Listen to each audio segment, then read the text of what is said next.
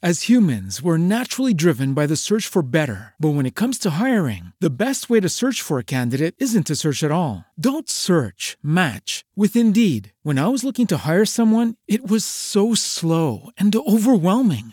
I wish I had used Indeed. If you need to hire, you need Indeed. Indeed is your matching and hiring platform with over 350 million global monthly visitors, according to Indeed data, and a matching engine that helps you find quality candidates fast. Ditch the busy work. Use Indeed for scheduling, screening, and messaging so you can connect with candidates faster. And Indeed doesn't just help you hire faster. 93% of employers agree Indeed delivers the highest quality matches compared to other job sites, according to a recent Indeed survey. And listeners of this show will get a $75 sponsored job credit to get your jobs more visibility at Indeed.com slash podcast. That's Indeed.com slash podcast. Terms and conditions apply.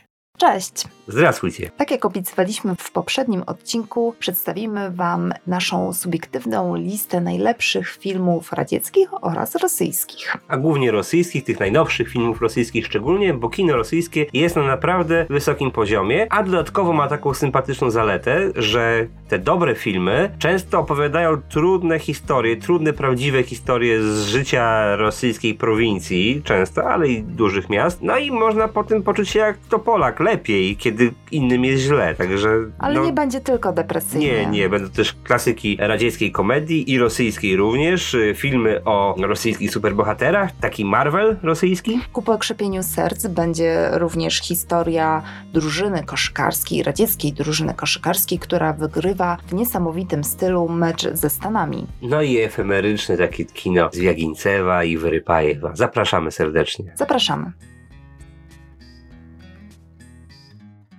Hej, tu Kasia i Kuba. Zapraszamy na rozmowy o pięknych, dobrych i prawdziwych podróżach, także świadomych. Gdy myślę o ostatnich dwóch latach w kinie rosyjskim, to jest taki jeden film, o którym myślę z takim ciepełkiem w serduszku, i jest to film Lato, który opowiada o trójkącie. Trójkącie, który składał się z Wiktora Coja, czyli wokalisty grupy Kino, który jest no, totalną legendą, jeśli chodzi o zespoły rockowe rosyjskie, i do tego o Majku z grupy Zopark oraz jego żonie Nataszy. No, Wiktor Coj to jest absolutnie postać legendarna, również dlatego, że zginął młodo, chyba też, nie wiem, On czy nie w wieku zginął 27 w 28 lat. Czyli i prawie jak Kurt Cobain. Zginął, tak, i zginął w wypadku, wypadku samochodowym na Łotwie. Natomiast no, piosenki Coja zna każdy i to często się też mówi. Nazwa grupy Kino i Coj to jest jakby to samo, tak? Więc czy słuchasz Coja? Często was zapytają na przykład, Tak. albo puszczają Coja. Nie ma zaczynamy- prawie, że możliwości, że jesteście w Rosji i nie usłyszycie jakiejś piosenki zespołu Kino. A na dodatek, jak zaczynamy uczyć się języka rosyjskiego, to wiele osób poleca słuchanie właśnie piosenek grupy Kino, ze względu na to, że tam jest dużo słów, które są bardzo wyraźnie mówione i dzięki czemu możemy się uczyć tego naturalnego rosyjskiego języka. Coj śpiewa poprawnie i wyraźnie, także jak najbardziej. I te piosenki są piękne poza tym, także Ale- usłyszeć je w kinie, to nie jest musical, tak? Aczkolwiek troszeczkę ma, jest. Ma swoje Tak. elementy takie trochę lalalandowe i w sumie wydaje mi się, że jeśli chodzi o ten film, to są to takie największe atuty tego filmu, bo Każda scena, która jest takim malutkim musicalem, gdzieś na przykład ludzie z ZSRR-u zaczynają śpiewać, tacy przedstawiciele, gruba pani, starszy pan w kapeluszu, oni wszyscy jadą sobie trolejbusem i w pewnym momencie pan zaczyna śpiewać The Passenger. I co? I razem z Nataszą przemieszczają się do przodu tego trolejbusu i każda postać odśpiewuje, oczywiście z rosyjskim akcentem, całą tą piosenkę. To są takie fragmenty, które no, nadają smaczku całemu temu filmowi, a na dodatek te elementy, które są przedstawiane jako taki mini musical, wzbogacone są dodatkowo takimi animacjami rysunkowymi, które jak się o tym mówi, wydaje się, że mogą być słabe, ale tak naprawdę są super. Cały film jest też czarno-biały. No dobrze, więc jeżeli ja miałbym wybrać jakiś film z tych najnowszych, no to żeby nie szukać daleko, yy, zwycięzca festiwalu Sputnik, czyli film Byk yy, Borisa Akopowa, to jest zresztą debiut tego reżysera. W ogóle festiwal Sputnik, jeżeli interesujecie się kinem rosyjskim, to jest najlepsze źródło, żeby znaleźć fajne filmy. Albo też nie, bo To, czasami to jest się zda- festiwal, więc Tak. różne, ale te, które wygrywają, no to umówmy się, że praktycznie macie 100% szans, że będą fajne. Więc Byk opowiada o e, młodym chłopaku, który ma problemy, bo jest gangsterem. I na dodatek jest na rosyjskiej prowincji. Oczywiście i generalnie nie jest dobrze, ma problemy. Generalnie nie jest dobrze. Chciałbym powiedzieć więcej, ale skupmy się że, że nie jest dobrze, a mogłoby być przecież dobrze. No właśnie. I kończy się Nie jak to w dobrze. Rosji i, i w Polsce często. Film z fajnie nakreślonymi postaciami, fajnie zagrany, dobrze sfilmowany, klasycznie, bez żadnych tam udziwnień. Po prostu dobra, mocna historia. Tych dobrych, mocnych historii w kinie rosyjskim jest napęczek. Na przykład takim kolejnym filmem, który m- mogę polecić jest film Major. Historia, która mogłaby się wydarzyć i być może się nawet gdzieś tam wydarzyła. Czyli mamy majora milicji, czy też policji już wtedy, który w wypadku drogowym potrąca dziecko. Ze skutkiem śmiertelnym, widzi to jego matka, no i to jest y, dobry człowiek, mm, no i chciałby się przyznać do winy, ale koledzy mu nie pozwalają, bo jak to i po co ma swoje życie rujnować. No i dalej się toczy historia, e, kończy się oczywiście nie za dobrze, jak to, jak to w kinie rosyjskim, do bólu pokazująca schematy działania władzy i też układy na prowincji i to, jak taki szary, zwykły człowiek się nie liczy. Co ciekawe, słyszałem, że Netflix czy jakaś inna platforma chce nakręcić serial amerykański Na podstawie na tego? podstawie tego, co moim zdaniem w warunkach właśnie amerykańskich, Hmm. po prostu jakichkolwiek innych niż rosyjskie,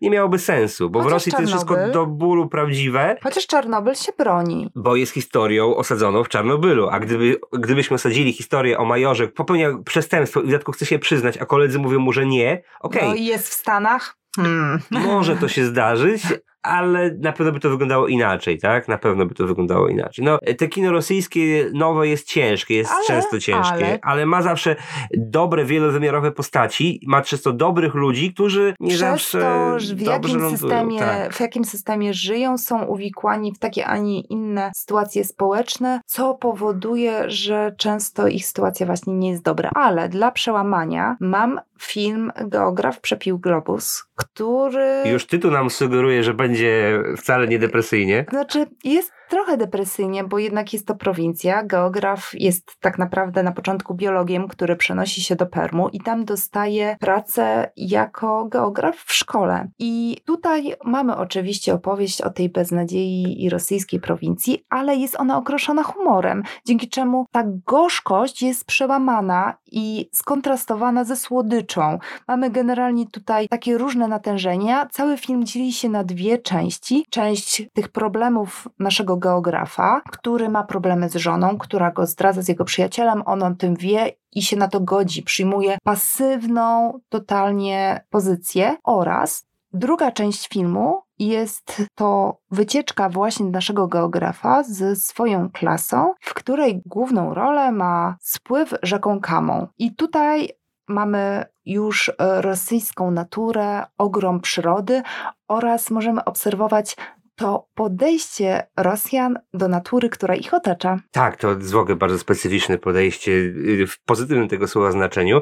Gdybym chciał jakiś tytuł filmowy przywołać, który pokazuje dobrze rosyjską tą przyrodę i przestrzeń, to byłby film Terytorium. Tam nie ma za bardzo fabuły, znaczy jest, ale nie, nie szczególnie mi się podobała. Natomiast ujęcia rosyjskiej północy w 4K, oglądane jeszcze w kinie, no robiły miażdżące wrażenie. Ale y, to nie jest jakiś film, który bym szczególnie polecał. Ten sam reżyser, który nakręcił Majora, czyli Yuri Bikow, nakręcił w 2014 roku Durnia. To jest ponoć jeden z najlepszych filmów dekady, ja go jeszcze nie widziałem, natomiast czytając y, recenzję jest na mojej liście y, bardzo bliskiej do obejrzenia. Żeby jakoś tak nie epatować tymi filmami takimi bardzo trudnymi, to dorzucę najtrudniejszy jaki jest, czyli I już później będą same fajne. tak, Gruz 200. Ojejku. Każdy z Was słyszał o tym filmie, a jeżeli nie słyszał, to nie oglądajcie go przy obiedzie. No, oglądajcie go, jeżeli macie mocne nerwy. No, bardzo gruba, mocna, depresyjna historia, o której odechciewa się żyć. Ale jednocześnie ciężko oderwać od niej wzrok. Dobrze Czyli taka przyjemność masochi- masochisty. Troszeczkę tak. Y, Ja nie jestem fanem tego gatunku filmów,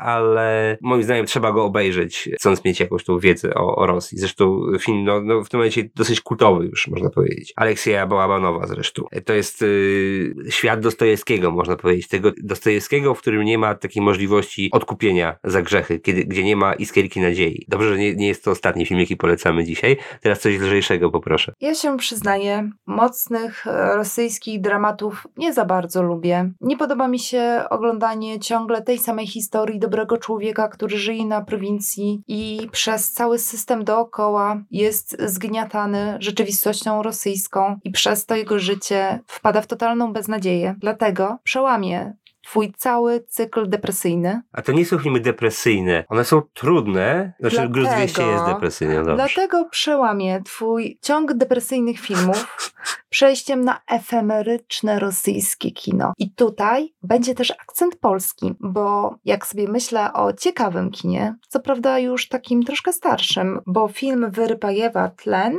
no ma już swoje lata, przynajmniej z 10-11 lat spokojnie. Wyrypajew jest reżyserem teatralnym, który jednocześnie jest związany z Karoliną Gruszką. I to ona jest właśnie w tym filmie tym akcentem polskim. Sam film Tlen jest dość ciekawy i trzeba przyznać, że mocno artystyczny, bo jest podzielony na 10 części, które można powiedzieć, że są takimi oddzielnymi teledyskami, w których główni bohaterowie Sasza i Sańka recytują swoją, rapują, śpiewają, szepczą swoją historię miłosną. A historia jest dość prosta. Chłopak zakochał się w dziewczynie, którą zobaczył na ulicy i zabił, bo nie wiedział, że zabicie własnej żony jest grzechem. I potem mamy Problemik. ogromną ilość nawiązań do kultury, do religii. To też jest bardzo dobry film, kiedy chcemy troszeczkę pouczyć się rosyjskiego. Gdy jeszcze załatwimy sobie wersję z napisami, to możemy śledzić te losy i uczyć się języka jednocześnie. Każdy ten teledysk, każda ta część tlenu jest zupełnie inna, zupełnie inaczej pokazana i wydaje mi się, że można nawet te części znaleźć na YouTubie, że jak sobie poukładamy po kolei, to możemy sobie odpalać nawet te części na YouTubie. Podobał Ci się w ogóle film Tlen? No właśnie to jest ciekawe, bo ja w ogóle go nie pamiętam. Znaczy Zupełnie? pamiętam, że widziałem, natomiast... Dla y, mnie był niesamowity. A dla mnie jakoś umknął, także... Ale tobie chyba bardziej się podobała Euforia Wyrypajewa, co? Tak, tak, zdecydowanie bardziej. To jest jego wcześniejszy film. Natomiast, no, to jest dla mnie nierówny reżyser, bo on tak bardzo teatralnie reżyseruje i, i na przykład parę lat temu nakręcił taki film Zbawienie. Ojejku, to, to był To straszny był film. straszny film, Ale na tym poprzestańmy. Ale e, on sam przyznawał, że dostał pieniądze od rosyjskiego ministerstwa na to i wydali to jadąc do Nepalu na wyjazd i w międzyczasie nakręcili, żeby było. Co jest dla mnie tylko na minus dla tego reżysera. Więc innym reżyserem z tego nurtu, powiedzmy sobie, efemerycznego, ale łamane na rosyjską beznadzieję, jest... Bo Kuba dąży cały czas do tej swojej rosyjskiej beznadziei. Przy czym ja wcale nie uważam, że Rosja jest beznadziejna, tylko te filmy tak y, ją pokazują często. Jest Zwiagińcew, no i na przykład Lewiatan. Tak? Ojejku, no, Lewiatan. Znowu, człowiek, dobry, prawilny człowiek, który chce zawalczyć z systemem, ale system jest za silny. Tylko, że Lewiatan ma w sobie coś niesamowitego. On ma ogromną przestrzeń, piękne kadry północy w Zresztą zimie. byliśmy w miejscach, tak. gdzie go kręcili. w zimie i na dodatek tą ciszę. Potrafi przekazać tą porę roku w prowincji i przekazać właśnie ten taki spokój natury, który jest dookoła. No ma przestrzeń w sobie po prostu ten film i piękne kadry. Tak, zdecydowanie. I historia też jest dobra, a jeszcze jak odwiedzi się Kirovsk, czyli jedną z dwóch głównych lokacji tego filmu, no to można też go inaczej od, odebrać. I co ciekawe, jeszcze mówiliśmy o tych dotacjach, ponieważ ten Lewiatan jest właśnie tutaj tym, tą władzą, tą metaforą bardzo czytelną e, systemu rosyjskiego i jest to film antysystemowy. Bardzo był krytykowany w Rosji, był też tam jakiś chyba zakaz e, oficjalnej dystrybucji czy coś takiego. No, natomiast na świecie zrobił ogromną karierę. Był nominowany do Złotej Palmy, do Oscarów. Oscara przegrał z Idą zresztą polską. Oj, oj. E, Ale on z Wiegińców dostał na e, tego Lewiatana pieniądze od Państwowego Instytutu Filmowego, czy jak to się tam po rosyjsku nazywa. Także jakby to jest Rosja, tak? Z jednej strony ci nie pozwalają czegoś robić, ale z drugiej strony dają na to też pieniądze. Także bardzo, bardzo paradoksalny kraj. Ale jeszcze lepszym filmem z jest jego, nie wiem czy to był debiut, czy po prostu pierwszy głośny film, e, Powrót, Wazwrasienie. To znowu poetycka, z przestrzenią, z przyrodą relacja z powrotu ojca do rodziny po dłuższej nieobecności. Dłuższej w latach mierzonej i on zabiera swoich synów na przyrodę, żeby właśnie im wrócić do nich jakby, a oni nie bardzo już chcą, żeby do nich wrócił.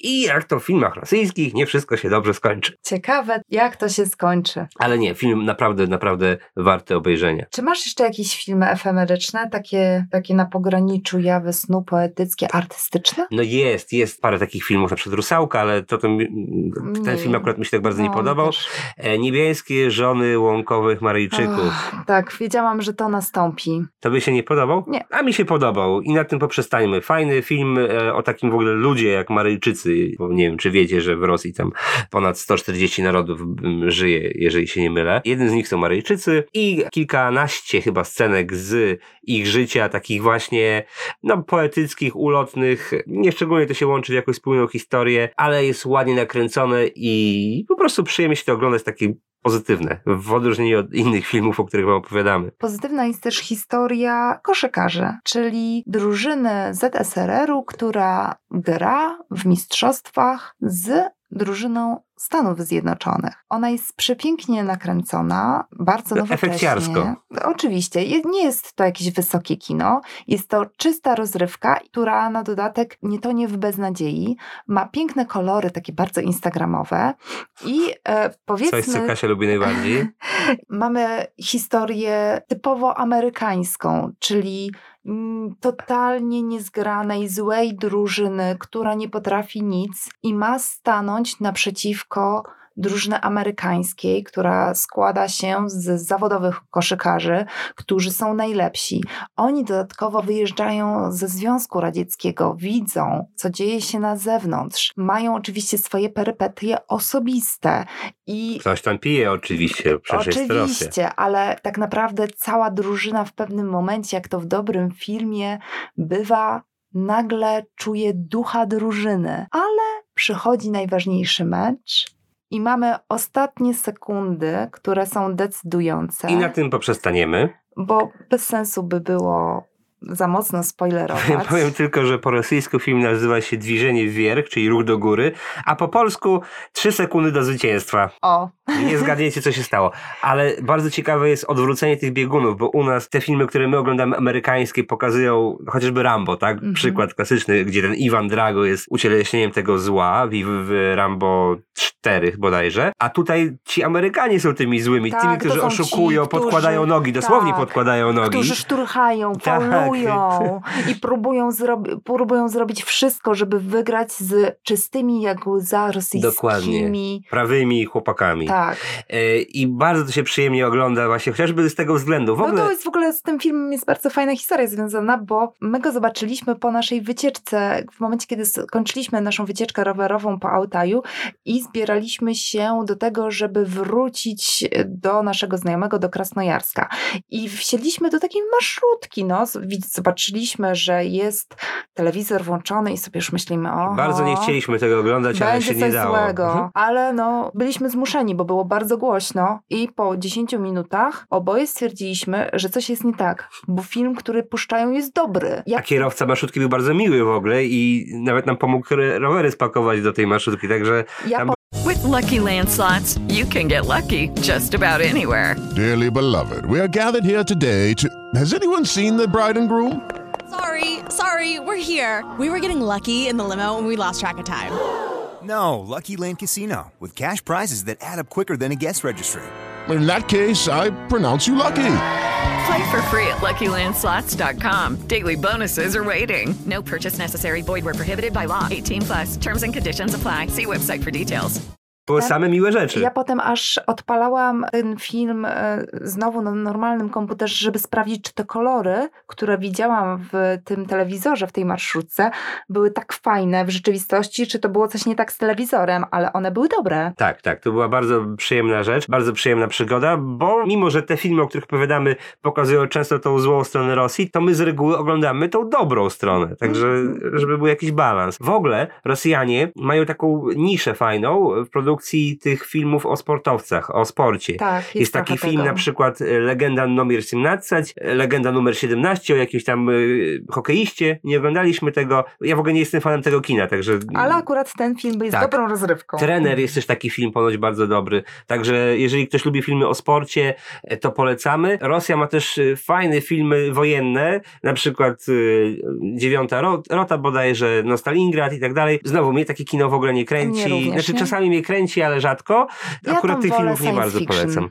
O, to jak najbardziej. No i jaki film science fiction polecasz naszym drogim radiosłuchaczom? Jest to pytanie tendencyjne, bo oboje wiemy, co tutaj zaraz padnie. Jest to film stary z 2005 roku i jest on na podstawie powieści. Dwóch powieści. Dzień nocna, Straż nocna i Straż dzienna. Dzień dobry i do widzenia. Dokładnie. E, tak, to jest y, fajny, fajna, dobra rozrywka. Jakby nic tutaj więcej nie ma do gadania. Nie, właśnie jest bardzo Ach, dużo do. Powiedzenia. Zacznijmy od tego, że tutaj zdania są podzielone, bo niektórzy, którzy oglądają te oba filmy i nie znają książek wcześniej, Na przykład ja. mają wrażenie przeładowania, przebodźcowania. No umówmy się, że film science fiction, który opowiada o walce dobra ze złem, który dzieje się w teraźniejszej Moskwie, gdzie siły zła walczą ze sobą, walczą z, siłami dobra. Mamy tu wampiry, dzieją się niesamowite rzeczy na, na ulicach Moskwy, mamy nawiązania do Matrixa i no umówmy się, że te efekty specjalne z 2005 roku teraz będą wyglądały bardzo naiwnie i słabo, ale jednak One już chyba wtedy wyglądały naiwnie, ale dalej Ale jest były to... dobrą rozrywką. Tak. Nie, I- to jest czas władcy, raczej do Władcy Pierścieni momentami przypominało. troszeczkę, ale Także już czujecie, filmy, współczesna Moskwa, Władca Pierścieni, nie? To, e, to... Jest, jest grubo, chociaż książki są bardzo dobre i często ludzie, którzy nie znają tej historii, uważają, że tam za dużo się dzieje i ciężko im się połapać w tym wszystkim. Niemniej jednak można przeczytać sobie książkę, a potem wrócić d- do filmów, bo mm, filmy są przemieszaniem książek, czyli nie jest to taka ekranizacja jeden do jeden. I to jest też e, ciekawa sprawa, bo przy kręceniu tego filmu były pewne problemy, bo na początku miał być to serial i scenariusz pierwotny nie spodobał się autorowi. W ogóle trzeba było pisać jeszcze raz cały scenariusz. Koniec końców to autor napisał ten scenariusz i w czasie kręcenia oni stwierdzili, że to nie będzie serial, tylko to będzie właśnie film. On się stał super produkcją rosyjską. To był totalny hit w krajach rosyjskojęzycznych. On tam miał pierwsze miejsce przez bardzo długi czas, jeśli chodzi o największą ilość osób, które obejrzały go w kinie. Także już to może być dobrym wyznacznikiem polecenia filmu, który no nie wymaga za dużo, jest czystą rozrywką i nie podchodzimy do tego jak do filmów, które są tym kinem bardziej artystycznym i opowiadają o tej prowincji. Tak, tak. No, ja w ogóle z, takich, z tego rodzaju filmów czekam na ekranizację Metra 2033. Ja też już nie, mogę, już nie mogę się doczekać A naprawdę. kręcą? Mam nadzieję. Chyba nie. Ale jest film o metrze, Mhm. e, tylko o współczesnym i on się chyba nazywa właśnie Metro albo Tunel albo jakoś tam i opowiada o katastrofie w metrze moskiewskim. Czyli takie filmy mieliśmy amerykańskie, tu znowu w wydaniu rosyjskim. Powiem wam, że obejrzałem to, ze, bo, bo naprawdę nie wiem dlaczego to obejrzałem. No ja a, też nie wiem. ale to nie było złe. Znaczy, nie było też dobre, ale jeżeli lubicie tego typu filmy, no to macie to samo, co na amerykańskim filmie, tylko że w wydaniu rosyjskim, więc jakby okej, można to obejrzeć. Film się nazywa Metro, czy tam Tunel, no wpiszecie katastrofa w Metro, to znajdziecie. Jak już jesteśmy przy superprodukcjach, to jest też superprodukcja a la Marvel, o którym mówiłeś we wstępie. Nie możemy tego pominąć. No, ostrzyłem sobie na to zęby. Dokładnie, no, piątka czy tam czwórka bohaterów, supermocy, oczywiście na czele Nazywa z takim... się Zaszczytniki, słuchajcie. Czyli obrońcy. E, Znaczy jest takim niedźwiedziem, jakiś tam super szybki, jest kobieta, parytet płci zachowany, no, no niestety... Coś im nie poszło. No, no naprawdę... Ale polecamy ten tak film. Dozą, z tak dużą dozą sympatii do tego podszedłem, ale no... Ale polecamy ten film. Oczywiście. A czemu? Bo w Nie wiem, momencie, dlaczego. kiedy siedzimy odizolowani od świata, jest nam trudno, odwołali nam loty, albo na przykład dzieją się inne straszne rzeczy, pada na zewnątrz i całe życie wygląda bardzo źle, to włączymy sobie zaszczytniki i będziemy płakać ze śmiechu. No to, to się może zdarzyć. Wróćmy na chwilę do dobrych filów. O, A super Gogol? produkcje. No Gogol, Gogol. właśnie. Och, Gogol. ale to jest film z tej samej półki, co zaszczytniki, sorry. E, Tak, jak najbardziej. Gogol. E, Pewnie Państwo słyszeli, był taki rosyjski pisarz. No i teraz weźmy sobie rosyjskiego pisarza, który, I który połączmy to z superprodukcją rosyjską. Rosyjską. Y, Gogol pisał opowiadania na podstawie takich bylin, czyli takich um, historyjek ludowych, rosyjskich, legend. Coś Takim, takie jak, może nie jak coś jak, ale troszeczkę jak bracia Grimm. Y, Trochę tak, zwłaszcza z, z tym naciskiem na jakieś takie, takie ezoterykę, okrucieństwo i tak dalej. Gogol napisał między, taki, między nimi takie opowiadanie jak Wi. I na podstawie tego opowiadania Został nakręcony film. Na podstawie tego opowiadania zostały nakręcone trzy filmy, trzech różnych reżyserów, z czego dwa są straszną kupą, a jeden jest świetny. I jeden z tych dwóch złych filmów jest środkiem trylogii, która się nazywa Gogol. Gogol, pierwszy film nazywa się Gogol Początek, drugi to Gogol V, A trzeci... G- Gogol Rising. Coś takiego, czy Gogol Koniec, czy... No, to... Dobrze, że się skończył. Jeżeli chcecie 6 godzin z życia stracić, to obejrzyjcie, jeżeli nie, to nie oglądajcie. Ale znowu jest to film, e, super produkcja, która jak ktoś lubi oglądać bardzo złe filmy, a mamy takich znajomych, chociażby takiego Wichra, który lubuje się w oglądaniu złych filmów, dlatego że nie oczekuje od nich nic dobrego i czasem może się dobrze rozczarować. To czemu nie? Drugim e, z filmów o nazwie V jest film o nazwie V z roku 2014, reżyserowany przez Olega Stepczenkę i jest to film średni. Średnia rosyjska superprodukcja i tyle. Natomiast oryginałem, znaczy oryginałem była oczywiście było opowiadanie, natomiast pierwszym filmem o nazwie V jest em, obraz z roku 1967, O, reżyserowany przez e. Georgia Kropaciowa i Konstantyna Jeroszowa. Do znalezienia na YouTubie, czy nawet na jakichś tam e, źródłach innych bez problemu. No jak nie znacie rosyjskiego, to nie wiem, czy napisy do niego znajdziecie, ale nawet bez napisów, to fabuła tam jest czytelna jakby bez żadnego problemu. Na Filmwebie dałem mu 10 na 10 e, No, i jestem, jestem absolutnym fanem tego obrazu. Widziałem go trzy razy albo i cztery i mogę go oglądać chyba w nieskończoność. Ja tak Arcydzieło, moim zdaniem. Arcydzieło z przymrużeniem oka, no bo efekty specjalne w tym filmie są na poziomie Lat roku 60. 67, ale no, to jest genialny obraz. Trzeba to lubić. E, Oczywiście film czarno-biały. No historia jest prosta, opowiada o prostym chłopie, znaczy właściwie nie takim prostym, bo to był mnich, ale tam mnisi wiadomo, że oni sobie swawolili po zagrodach i on sobie poswawolił, ale nie jest tą kobietą co trzeba. Ona była wiedźmą, no i potem wiedźma chce go zabić, e, i tak dalej, i tak dalej. No brzmi niesamowicie. Tak, i jest takie. Naprawdę, naprawdę serdecznie ten film polecam. Z. Ale roku i- 67. No właśnie, ale już jesteśmy w czasach ZSRR i jak sobie mówimy o tych czasach, to dla mnie Moskwa nie wierzy łzom jest wręcz e, filmem takim ikonicznym. Jest i to jest jedna z najlepszych, e, z najlepszych rosyjskich dramatów, e, romansów, to jest tak slash w historii rosyjskiego kina. Oglądaliśmy go zresztą w Kirgistanie, w górach Tien Shan, w Tak, namiocie. w namiocie w czasie Tak. burzy. Bardzo romantycznie. Bardzo dobry film. Znowu, historia oczywiście miłosna. Trzy bohaterki przyjeżdżają do Moskwy, no i chcą sobie jakoś życie ułożyć, a jak my wiemy, Moskwa łzom nie wierzy i nie jest, łatwo. e, Jest trudno. Ale tutaj się akurat kończy dobrze. Często jak z Rosjanami rozmawiam, oni mówią, że tęsknią za tym radzieckim kinem, bo ono było takie dobre, ono było takie poczciwie. Filmy się tam dobrze kończyły, miały No, morał. Jak sobie oglądam Moskwę, która nie wierzy łzom, to też trochę tak tęsknię za tym kinem, szczególnie jak porównuję sobie do Lewiatana. No tak. Aczkolwiek Lewiatan jest pięknym obrazem, oczywiście. Oczywiście. E, może za tymi czasami, gdzie to było troszeczkę więcej optymizmu, prawda? No. Innym może. kultowym e, filmem, tym razem komedią, jest Ironia Suźby, właśnie, Ojej. czyli Ironia Losu.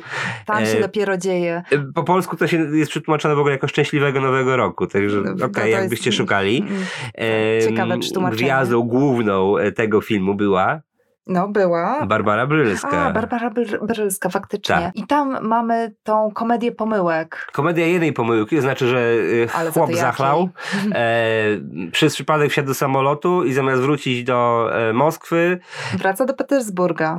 to przylatuje do Petersburga, gdzie na, takiej, na ulicy o takiej samej nazwie stoi To taki tak sam sam blok, blok.